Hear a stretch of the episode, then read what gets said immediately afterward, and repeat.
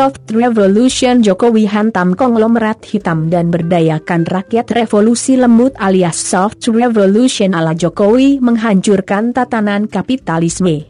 Konglomerasi dan korporasi besar terancam. Harus berbagi dengan rakyat jelata. Lalu kenapa UU Cipta Kerja ditolak? Omnibus Law juga menghantam sistem penguasaan sumber daya alam, sudah, seperti lahan hutan dan tanah yang dikuasai oleh korporasi besar, konglomerat hitam, yang korup-kolutif. Konglomerat dan backingnya marah. Dengan UU Cipta Kerja, Bab XII Pasal 180, jutaan tanah di kota, lahan, hutan, tambang, yang sudah di bawah konsesi perusahaan besar, properti, namun tidak dibangun dalam dua tahun, negara bisa mengambilnya untuk diberikan kepada rakyat. Redistribusi tanah untuk rakyat memungkinkan. Jokowi adalah rakyat.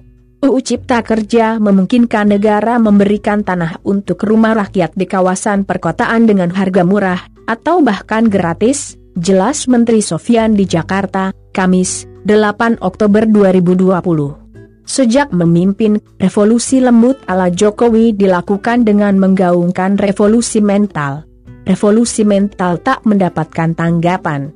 Kenapa? Karena mental didikan Orbe 32 tahun dan 10 tahun pemanjaan SBY sudah telanjur merusak mental. Memang sudah belong. Korup. Jokowi bantingster. Dia menggerakkan saya Pancasila. Sunyi dukungan. Nyaris hanya Jokowi yang berani bilang, saya Pancasila. Padahal sebenarnya Jokowi mengajak kepada gerakan revolusi mental. Koruptor mana berani bilang, saya Pancasila. Tak patah harang. Jokowi paham makna Pancasila. Dengan wujud keadilan sosial, Pancasila harus diwujudkan. Pancasila harus dirasakan manfaatnya oleh rakyat.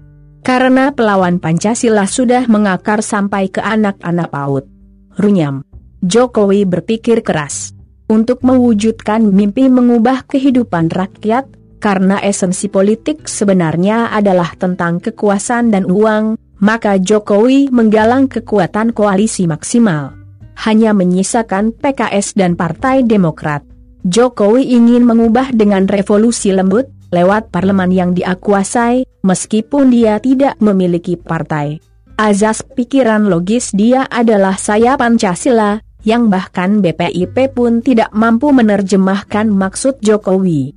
Pancasila yang dibumikan gagal dimasukkan ke sistem pendidikan yang telanjur dikuasai oleh kaum radikal, disusupi HTI dan kaum radikal. Lalu, Jokowi pun menggunakan instrumen hukum, peraturan dan U untuk membumikan Pancasila. Pikiran cerdas Jokowi bekerja. Bikin UU Cipta Kerja Omnibus Law. Ini sesungguhnya perubahan dahsyat revolusi mental.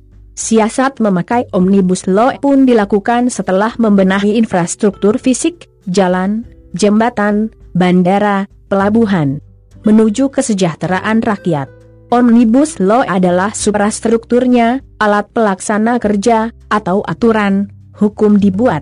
Itu setelah benda fisik sebagai sarana terlaksananya bisnis, perdagangan, pembuatan barang dibuat. Ada sarana ada yang bisa menjadi fasilitas terlaksananya pergerakan ekonomi, pabrik, kawasan ekonomi khusus, dan pariwisata. Yang Jokowi lakukan pertama untuk Indonesia adalah menggerakkan ekonomi.